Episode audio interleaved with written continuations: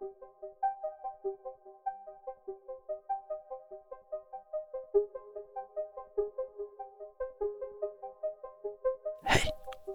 Patrik här. Ibland så tänker jag att man skulle kunna kalla mig för... Ah, man skulle kunna kalla mig för citatmaskinen Patrik. För ibland så känner jag mig verkligen som en sån med, med tanke på hur många citat jag ibland lyckas stapla ovanpå varandra här. När jag bodde i Malmö så gick jag ibland under namnet Mr Google Man.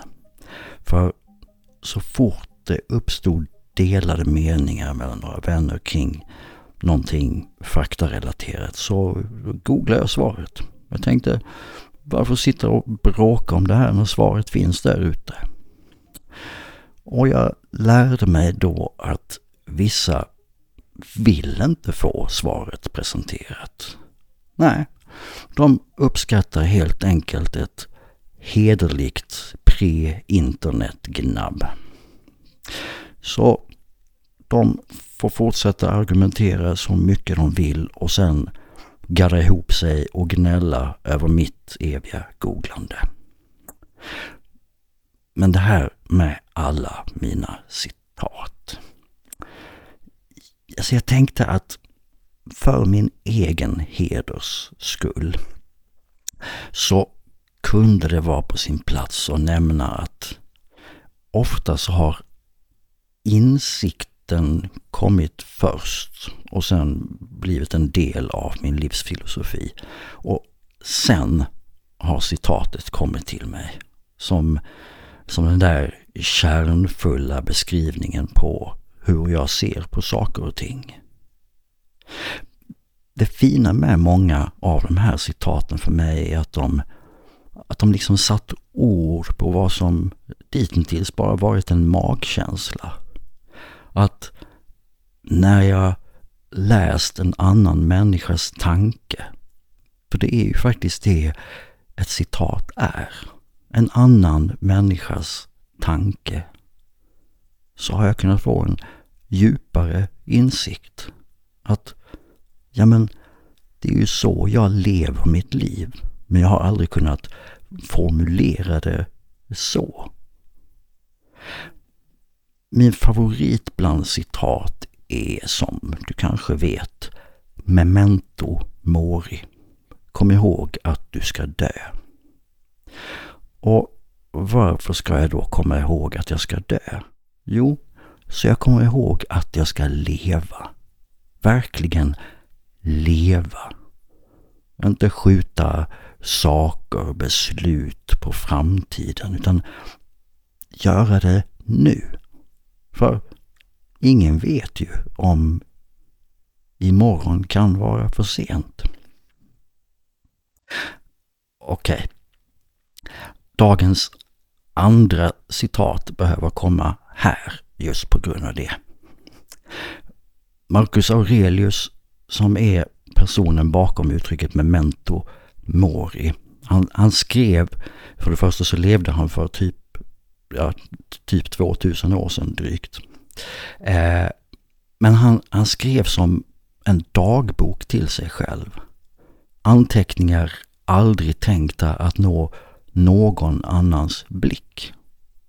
Men det gjorde de. Och jösses vilken tur för mänskligheten. Boken heter på svenska Självbetraktelser och på engelska heter den Meditations. Och i de här anteckningarna så samlar han just betraktelser av sig själv och hur han kunde bli en bättre människa. Och dagens andra citat, det kommer fler, tro mig. Men det citatet är hämtat från Marcus Aurelius anteckningar och knyter an till Memento Mori. Kom ihåg att du ska dö. Så här lyder det. Du skulle kunna göra något bra redan idag. Istället väljer du imorgon. Och det här är min fortsättning. imorgon väljer du kanske att skjuta på det igen. Memento mori. Jag har outat mig som citatmaskin så att här kommer nästa citat. Det är alltså det tredje på, på bara ett par minuter. Jag ser en möjlighet till att sätta någon typ av rekord idag. Det här citatet är från en namnlös själ och är, det är nästan som en parafras på Marcus Aurelius ord. Så här lyder det. Det är meningslöst att önska att du hade börjat för flera år sedan. I framtiden kommer du önska att du hade börjat idag. Memento mori. Men inte alla citat, hur kloka de än är, sätter sig. Och det är för att de används vårdslöst om och om igen. Och då blir de till slut klyschor. De, de nöts ut. Och jag, jag blir lite besviken på när folk slänger de här uttrycken sådär vårdslöst omkring sig. För det känns som att värdet har spelat ut sin roll. Och det är vissa situationer liksom som jag bara vet att nu kommer den. Den där utnötta formuleringen. För det är en sån situation. Eller många gånger så sitter de där uttrycken på skyltar som ska se sådär lagom slitna ut trots att de är nytillverkade. Men frågan är väl, minns någon egentligen vad de där uttrycken betyder? Eller är de så särskilt smarta alla gånger, de där uttrycken? Jag ska inte ge mig på att ge några exempel. Men kanske kan du skänka en tanke till om det finns uttryck som du eller dina bekanta använder som liksom som kommer så här automatiskt. Där, där en egen formulering kanske kunde vägt lite tyngre. Jag försöker låta bli klyschorna i möjligaste mån. Jag försöker formulera någonting själv istället. Även om det tar lite längre tid. Eller så citerar jag dem som, som inte citeras så ofta. Som har bra saker att säga. Okej. Okay. Tre citat senare så tänker jag att det är dags att starta detta jubileumsavsnitt nummer 20. Och det är 20 avsnitt mer än de 20 avsnitt jag inte hade gjort i slutet av januari i år 2023. Men det är betydligt färre än de 805 avsnitt som This American Life hunnit med. För den som bryr sig om och jämför sig med andra. Men ändå 785 avsnitt färre än This American Life. Men vem bryr sig? Och just det, det blir ingen saga från Per idag. Men han ber att få hälsa att den är på gång. Och jag vill bara så här i all enkelhet fira det här tjugonde avsnittet med en liten sång. Du får gärna sjunga med. Okej? Okay? En, två, tre, fyra, fem, sex, sju, åtta, nio, mm, mm, tio, bom, bom, elva, tolv och tretton, fjorton, fjorton, fjorton, fjorton, femton, sexton, sjutton, arton, nitton, tjugo, bom, bom, tjugo. Hm, hm, hm, Tidigare idag så la jag ut i sociala medier att jag sökte förslag på ämnen för kommande avsnitt. Och det är ingen underdrift för mig att säga att folk verkligen är hjälpsamma på den fronten. Så jag tänkte att jag ska ge er dagens insamlade ämnen utan någon inbördes ordning. Jag, jag tänker inte ta något av dem idag, men med den här listan så vet du vad du eventuellt kan ha att se fram emot i kommande avsnitt.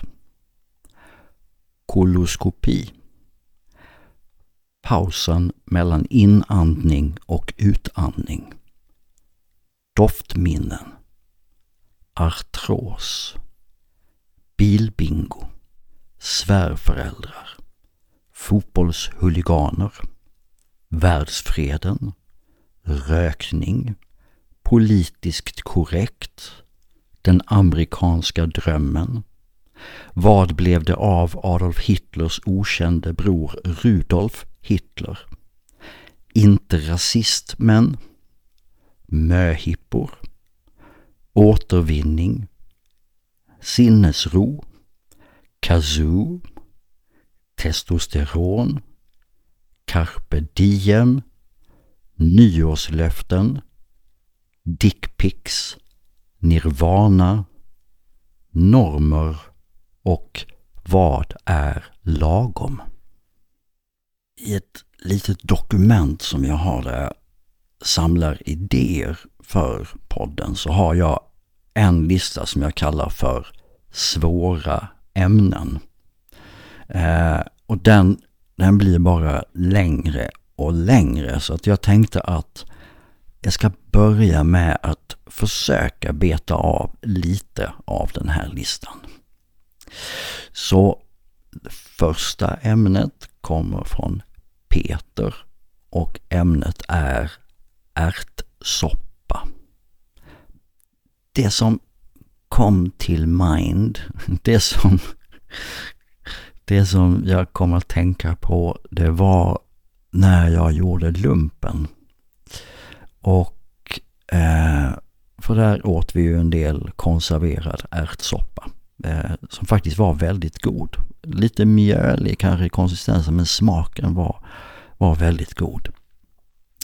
Men i alla fall, då var det så att när vi var ute på övningar ute i skogarna så på kvällarna, eh, jag var ju hundförare, vet du kanske om du har lyssnat på det avsnittet. Men om vi hade varit ute på kvällen på patrull och kom tillbaka mot vårt lilla läger, vad det nu kan tänkas heta på militärspråk, så kunde man helt plötsligt bara se rödblossande små kanonkulor som sköt upp från eh, skorstenarna i kaminerna i tälten. Liksom det small till så här dovt.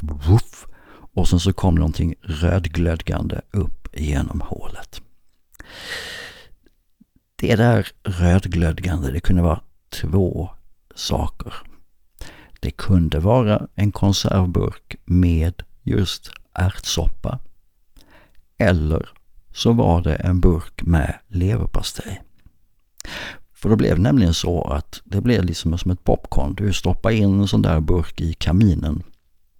Och sen när den blev tillräckligt varm så typ exploderade den och sköt upp genom kaminen. Eh, jag minns inte om det här var omtyckt eller inte men kul var det. Eh, nu fick jag en annan så här lumpen-relaterad historia. Vi var långt, långt, långt, långt, långt upp i Norrland eh, på vintern en gång. Och tälten vi sov i Tälten vi sov i var sådana här stora 30 manna runda tält med tjock canvas. Eh, och där i mitten stod kaminen och där eldade folk på så den blev alldeles rödglödgande. Eh, och du hade huvudet ut mot tältduken och så hade du fötterna mot kaminen. Och då var det nätter det var så kallt så att du hade frost i håret och dina fötter höll på att brinna upp. Eh, Så det man kan väl säga att det var som att vara i norra Europa och södra Europa på en och samma gång. Så, därmed är ärtsoppa placerat i arkivet. Nästa ämne och det är Micke som har föreslagit dubbdäck för eller emot. Okej, okay. den som ska byta däck två gånger om året, alltså jag, säger nej tack till dubbdäck. Men den som har haft ett par incidenter på grund av avsaknad av dubbdäck, det vill säga jag, säger ja. En gång så skulle jag iväg och hälsa på min kompis Peter, mannen som föreslog ärtsoppa. Eh, för att komma till honom, han bodde lite i skogen, så fick man köra ner liksom som i en, i en ravin kan man väl säga. En liten brant backe ner och brant backe upp. Och det var vinter och just den här kvällen så hade det eh, var sån här isregn. Så det hade regnat och sen hade det frusit på. Men det visste inte jag när jag körde ner för backen. Men jag märkte det när jag skulle upp för nästa backe. Jag minns inte hur länge jag stod där med bilen och gled sakta uppåt och sen gled sakta neråt och sen försökte mig uppåt och sen gled sakta neråt igen.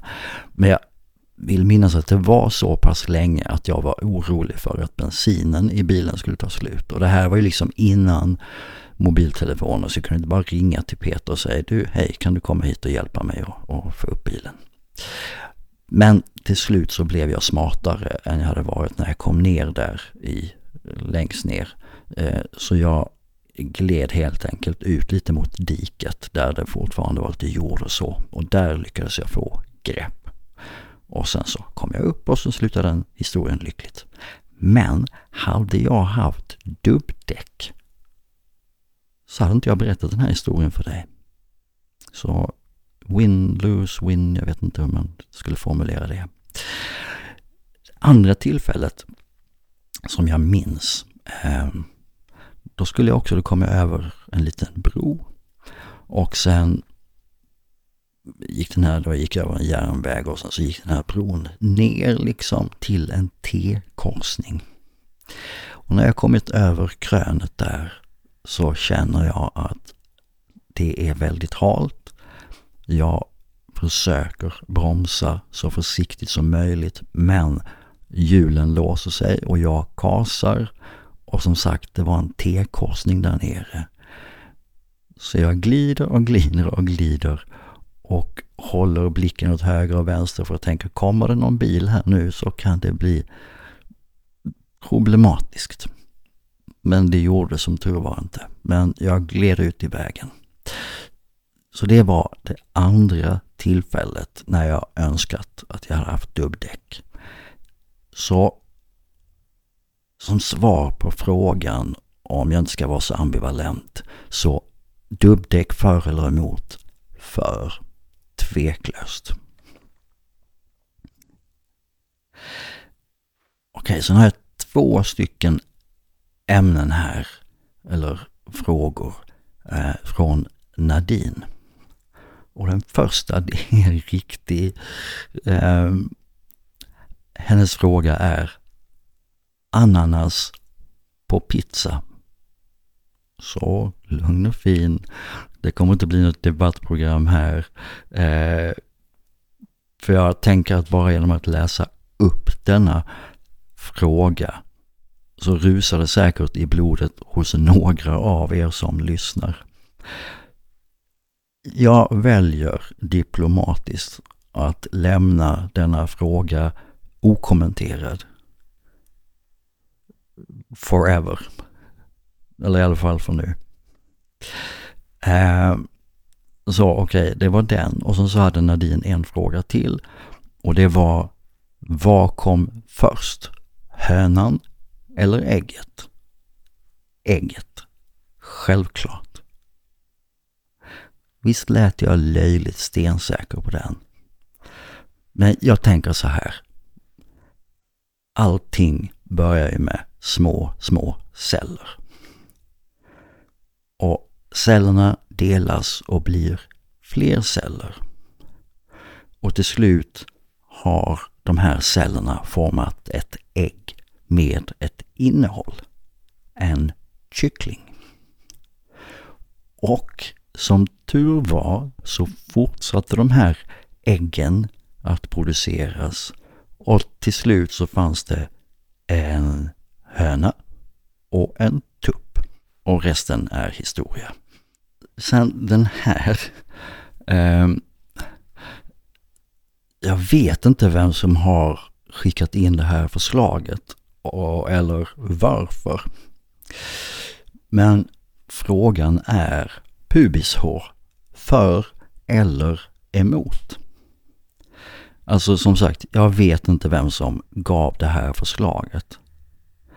Men mitt svar, det är bär det som du själv önskar. Med eller utan trimmat, långhårigt, bort. Det är helt upp till dig. Bär det som får dig att må bra under förutsättning att valet är ditt helt egna. Det sista ämnet från den här svåra ämnenlistan då. Och det är ett ämne som kommit som förslag i parti och minut. Framförallt nu under sommarperioden. Och ämnet är väder och det har kommit som förslag i alla dess former. Och jag har tänkt att, ja men vad har jag att tillföra om väder som ingen annan har upplevt redan? Mina väder är väder. Så det har legat där. Men nu vet du. För idag så kom det som förslag igen från Linda. Och jag tog tanken ett varv till.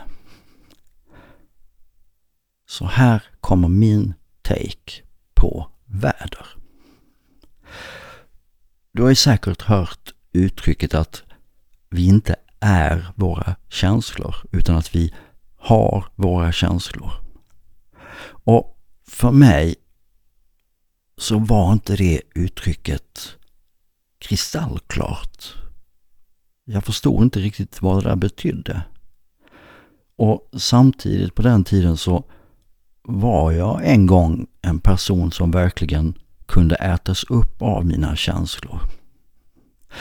Och så fick jag tipset att läsa en bok av en man som heter Eckhart Tolle. Jag minns inte vad boken hette och jag minns i princip inte vad den handlade om. Jag, jag vet att jag minns att jag tyckte den var lite för flummig för mig. Men en sak satte sig. Och det var ett parti där han pratar just om att vi inte får identifiera oss med våra känslor.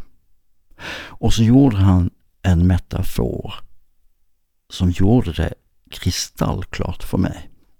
Han sa känslor, de är som moln på himlen.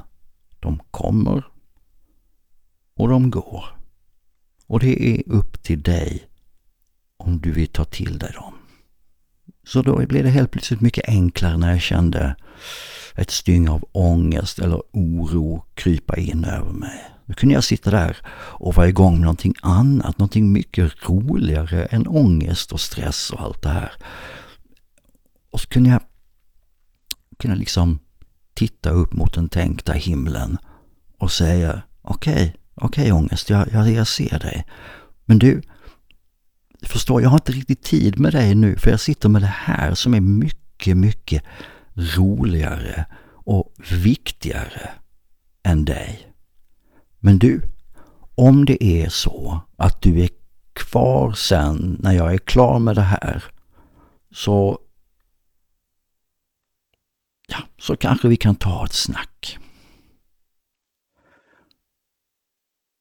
Känslor är som moln på himlen. De kommer Och de går.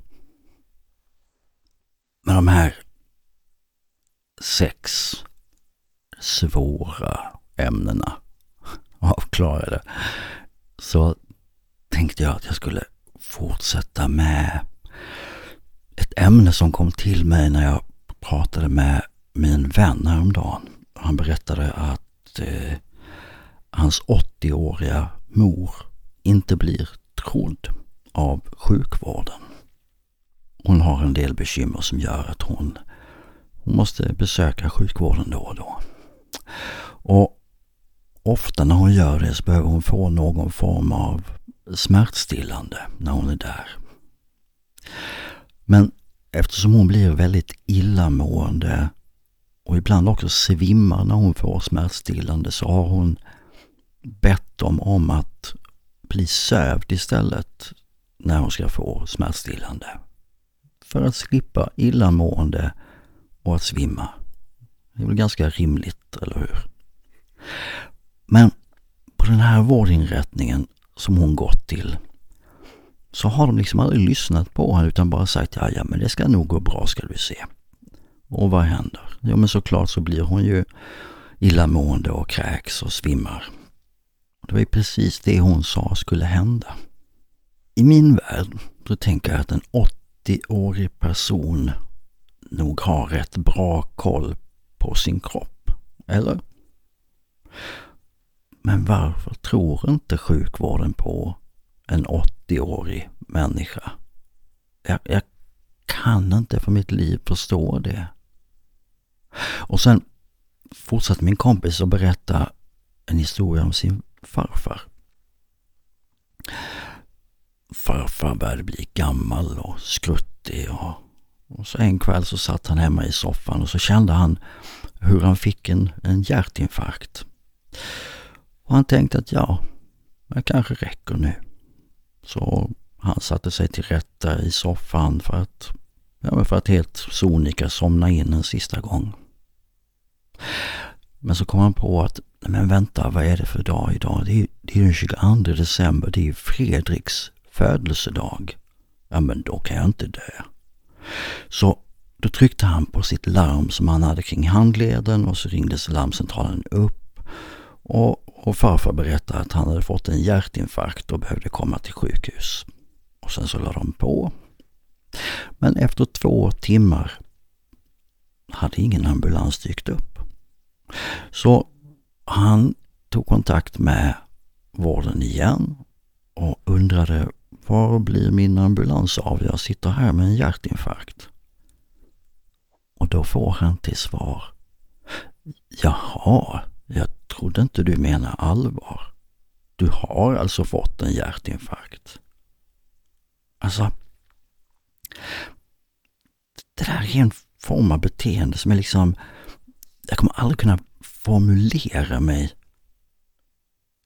smart, vänligt eller någonting kring, kring det. För det här beteendet är liksom det är bortom idiotiskt. Varför, varför, varför skulle en gammal människa ljuga om det? För att få lite uppmärksamhet kanske? Nej. Jag har ett par upplevelser från när jag var barn. Eh, när vuxna inte trodde på vad jag sa. Jag kanske var, jag vet inte, men låt säga att jag var fyra, fem, sex år gammal vid det första tillfället. Och vad som skulle hända var att vi skulle åka ut till vår sommarstuga och, och vårstäda. Vi skulle elda löv och vi skulle klippa gräs och gräva i rabatter och massa sånt där. Och mamma hade bjudit med sig en massa av sina kompisar, bland annat en av mina liksom, jag är skilsmässobarn och en av mammas vänner, han blev lite som en, en pappafigur åt mig. En, en, en, en människa som jag respekterade och såg upp till och, och kände mig omtyckt av. Och det var en riktigt varm vårdag som vi var där ute så att alla männen hade tagit av sina tröjor och gick runt i bara byxor liksom och ja. Och Jag såg hur männen blev svettiga och så blev jag själv svettig. Och då blev jag så stolt för det kände jag att men vi har ju någonting gemensamt nu. Jag och min stora förebild. Så jag gick bort till honom och så visade jag, titta jag svettas också. Och så säger han, nej det gör du inte, du har säkert bara sprutat vatten med någon flaska. Men ärligt talat. Ett par år senare när jag går på lågstadiet, jag, jag är väl lite av en slarver och kanske glömmer bort saker och så här. Men just den här gången så kom jag till skolan och jag hade det var en anteckningsbok som jag skulle ha med mig och jag kunde inte för mitt liv hitta den. Jag hade letat och letat och letat och antagligen har jag gjort det för att det har varit en del gnäll från min lärare kring att jag glömde saker. Men den här dagen har jag på riktigt letat efter anteckningsboken och inte hittat den och jag säger det till, till min lärare. Och hon tror mig inte och hon bara säger att du bara ljuger, du är bara en slarver, vad hon nu kan ha sagt. Jag kan inte minnas ordagrant men undertexten, kontentan av det hon sa var någonting i den stilen. Och jag blev så jag blev så himla ledsen och förtvivlad att jag lämnade skolan och sen så gick jag hela vägen till där mamma jobbade som var i en by en dryg mil från där vi bodde. Och jag gick längs riksväg 21, 7, 8 år gammal. Hela vägen till mamma för att jag var så förtvivlad och inte visste vad jag skulle bli av när jag inte blev trodd.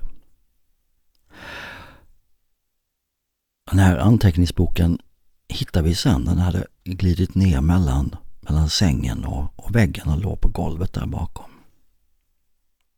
Ett litet barn som bara vill älskat och, och sen känner att världen inte tror på en. Det barnet tänker att det spelar ingen roll om jag talar sanning eller om jag ljuger. Så jag blev en mästare på att ljuga. Och tro det eller ej, men lögnen var det aldrig någon som ifrågasatte. Det är så knäppt. Och här är en liten reflektion kring min historia. Genom att dessa vuxna valde att inte tro på barnet så valde barnet en ny strategi. Barnet som ville bli älskat började ljuga för att få omvärldens kärlek. Knäppt. Sen kan jag inte, jag kan inte låta bli att tänka tanken att de som tror att andra bara ljuger och hittar på. Vad säger det om dem?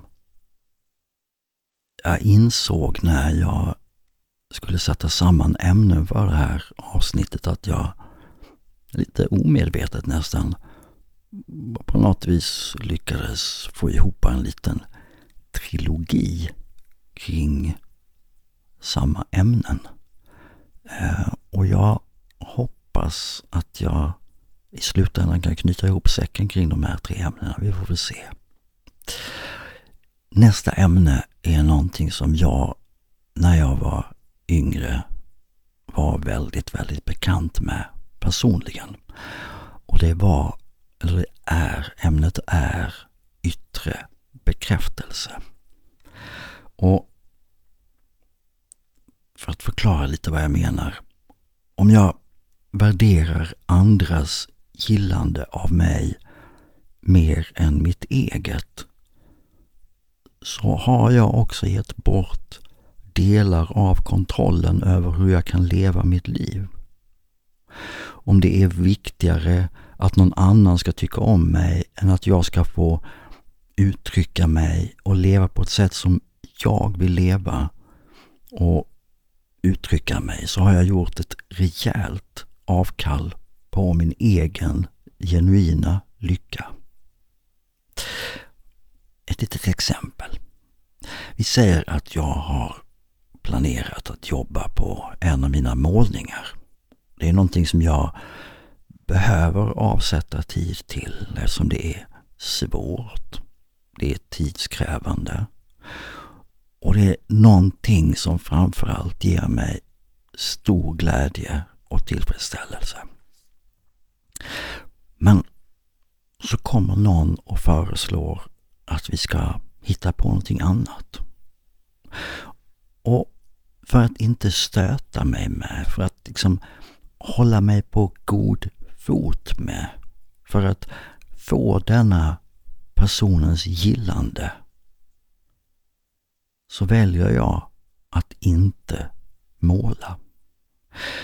Jag väljer bort det som ger mig genuin lycka för att jag är rädd att jag annars kommer förlora min väns gunst.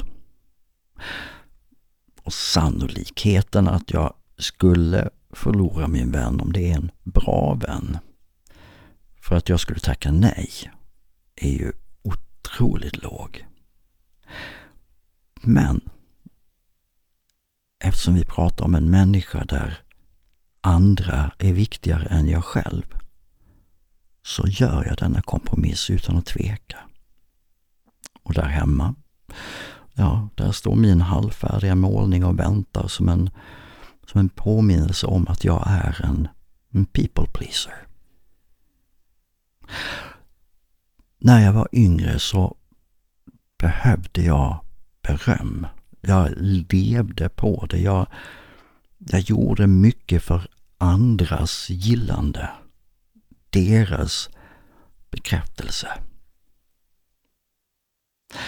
Och i retrospekt så ser jag hur det gjorde mig till en ängsligare människa. Utan former och utan gränser. Och sen en dag så var det inte lika viktigt längre.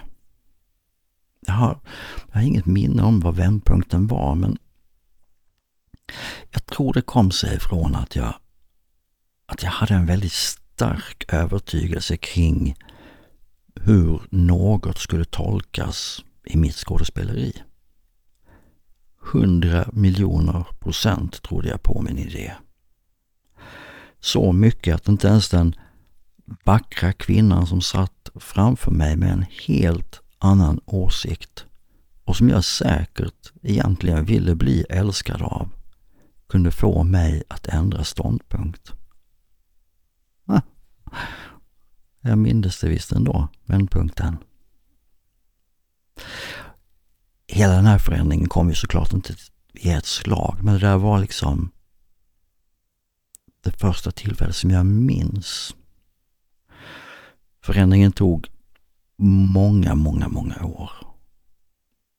Och jag, jag tänker att du förstår att det, det handlar inte om arrogans och att inte lyssna på andra. Det där med att ställa sig själv först.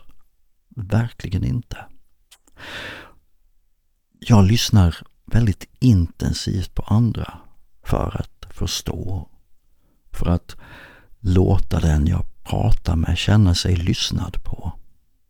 Jag har djup respekt för olikheter, för andra människors erfarenheter som många gånger är väldigt olika mina egna. Jag har respekt för hur extremt komplex, hur extremt komplicerat det är att vara människa.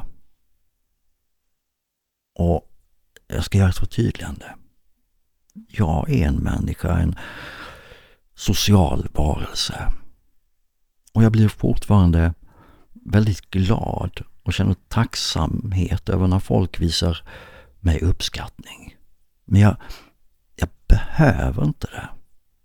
Tidigare liksom så var bekräftelsen som, som näring, som att jag hade inte något större värde om inte jag fick den yttre bekräftelsen. Idag är den mer som frosting on the cake, som en bonus. För den viktigaste nu, det är jag själv. Visst, det kanske innebär att jag förlorar någon på vägen. Men det häftiga är att så många också stannar kvar. Och jag är ganska säker på att de gör det just för att jag är precis det jag är.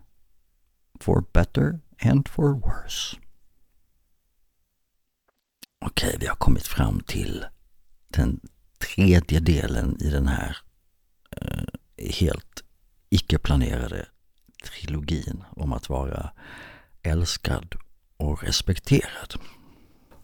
Jag tänker att du också har gjort det där som jag har gjort så många gånger tidigare i livet. Det är att vi i ett samtal så låtsas vi som att vi förstår, som att vi vet. För att vi vill inte framstå som okunniga eller som människor utan en åsikt om precis det mesta.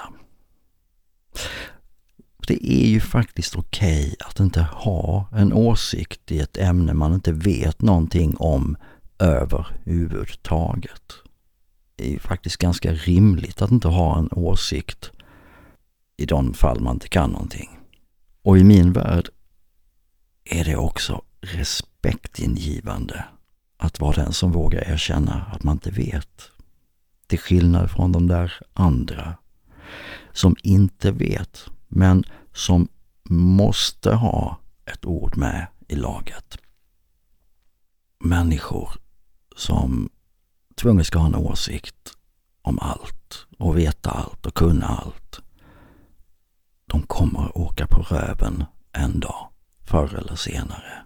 Och det, ja. Jag har, jag har ett par exempel faktiskt.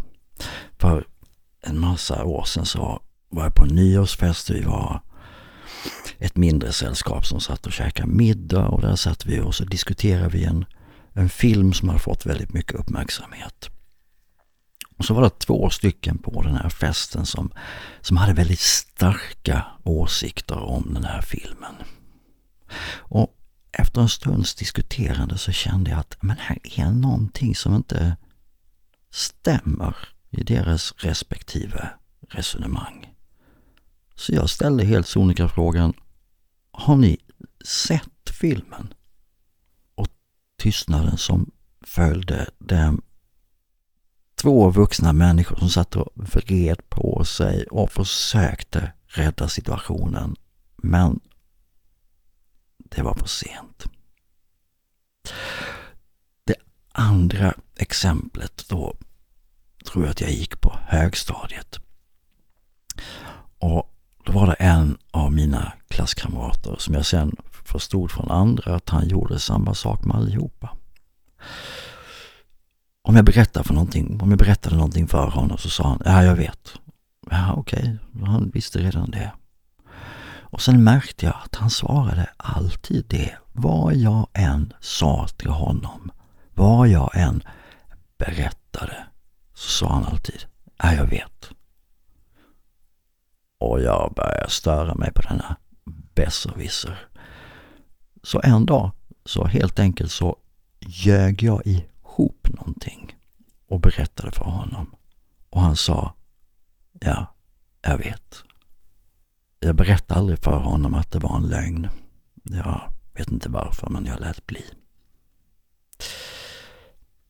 Jag tänker att det finns två perspektiv i det här när vi väljer att låtsas att vi kan allt, har en åsikt om allt. Eller när vi faktiskt tillåter oss att erkänna att vi inte kan.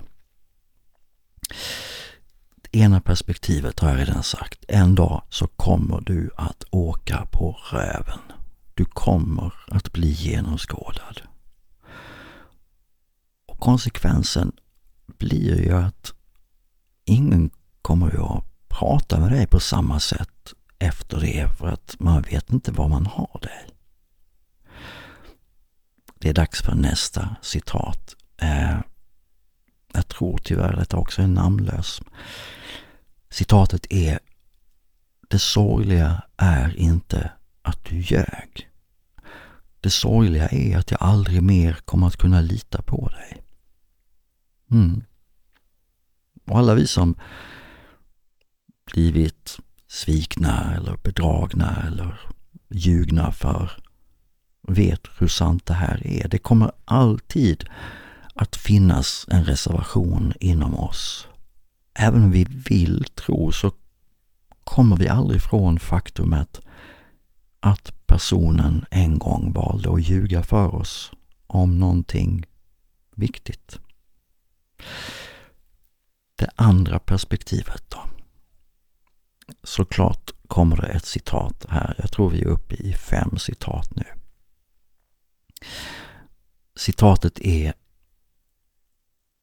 Om du vill utvecklas som människa, var okej okay med att framstå som aningslös, okunnig eller dum.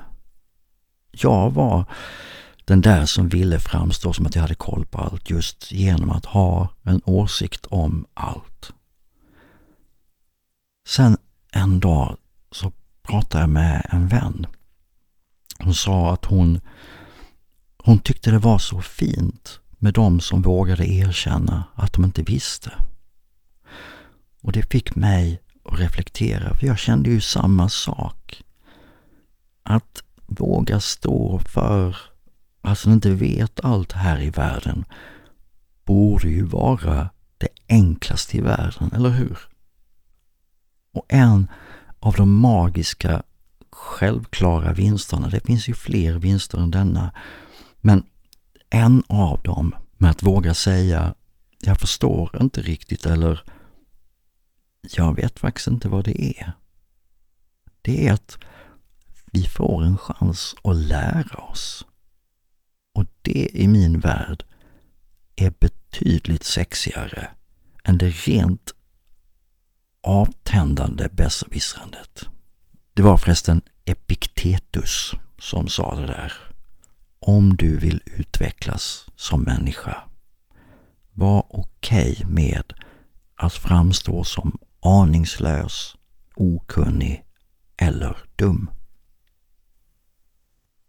Okej, okay, jag ser här och klockan tickar iväg och, och ser hur mycket mer jag har här i mitt lilla dokument som, som jag hade tänkt och trott att jag skulle hinna med att prata om idag. Men jag tar med dem till nästa avsnitt. Det kanske innebär att du inte behöver vänta lika länge som vanligt på nästa avsnitt. Vi kan hålla en tumme för det. Jag tänkte jag skulle berätta en historia till. En liten kort anekdot från en filminspelning. Men om det är så att du har en sån där kväll eller natt där du märker att det här går inte speciellt bra. Jag kommer nog inte att somna på ett tag till. Så kan det vara läge för dig att bara lägga till någonting till i spellistan. Ett avsnitt till av min podd eller ett avsnitt av någon annan podd som du brukar somna till. Och sen så när du har lagt till det där avsnittet så, så zooma ut lite grann. Lyssna inte för noga på det jag säger utan ha min röst som ett litet brummande där i bakgrunden. Som någon som kanske till och med sitter i rummet bredvid och berättar någon liten historia för någon annan. Okej? Okay? Så här kommer den lilla filmanekdoten. Jag var uppe i Västervik och Gamleby en sommar och, och filmade där och då hade vi i de mindre, kortare insatserna så hade de engagerat skådespelare från den lokala amatörteaterföreningen. Människor som var väldigt ovana vid filminspelning och med ovanan så kommer det också nervositet. Och vid ett tillfälle där så var det en scen när min karaktär som letar efter sin försvunna syster eh, knackar på hemma hos någon. Eh, och pappan ska öppna dörren där och, och jag ställer lite frågor det är lite misstänksamhet och sen ska dörren slås igen framför ansiktet på mig. Och jag vet, min karaktär vet inte mer efter det mötet än innan. Den här mannen som spelade pappan där, han var en av de här männen från Amatörteaterföreningen. Och han var väldigt, väldigt, väldigt nervös. Och han tappade repliker och han, ja, han, han, han lyckades inte så bra som jag tror att han hoppades på att han skulle lyckas. Och jag har liksom för många år sedan tagit som vana att se till så att andra också har det bra när man är på jobbet. Få dem att känna sig bekväma, omtyckta, avslappnade. Då tänkte jag att, ja, men, att jag ville se om jag kunde få den här mannen att slappna av lite grann. Och mellan två tagningar, om de skulle flytta kameran eller vad de skulle göra, så då ser jag att han, han står och, eh, och latchar med en, säger man ens latchar 2023? Han står och leker med vad som ser ut som en, eh, en lakritsbit. En lite större lakritsbit som han kastar upp och ner i handen. Då. Jag tänker att ja, men lite godis, det hade ju varit gott. Så jag tänker att jag ska spexa till det lite grann. Och, eh, så jag säger till honom, du, du, och så pekar jag på munnen. Och liksom som att kasta godiset i munnen på mig. Och han, eh, va? Ja men, kasta den i munnen på mig. Och så pekar jag på munnen och så, och så fattar han. Eh, och ser lite konfunderad ut men han, han fattar. Så jag öppnar munnen och så kastar han. Och den träffar som tur är inte munnen. Och det är ingen lakritsbit han har i handen. Det är en svart sten. Godnatt.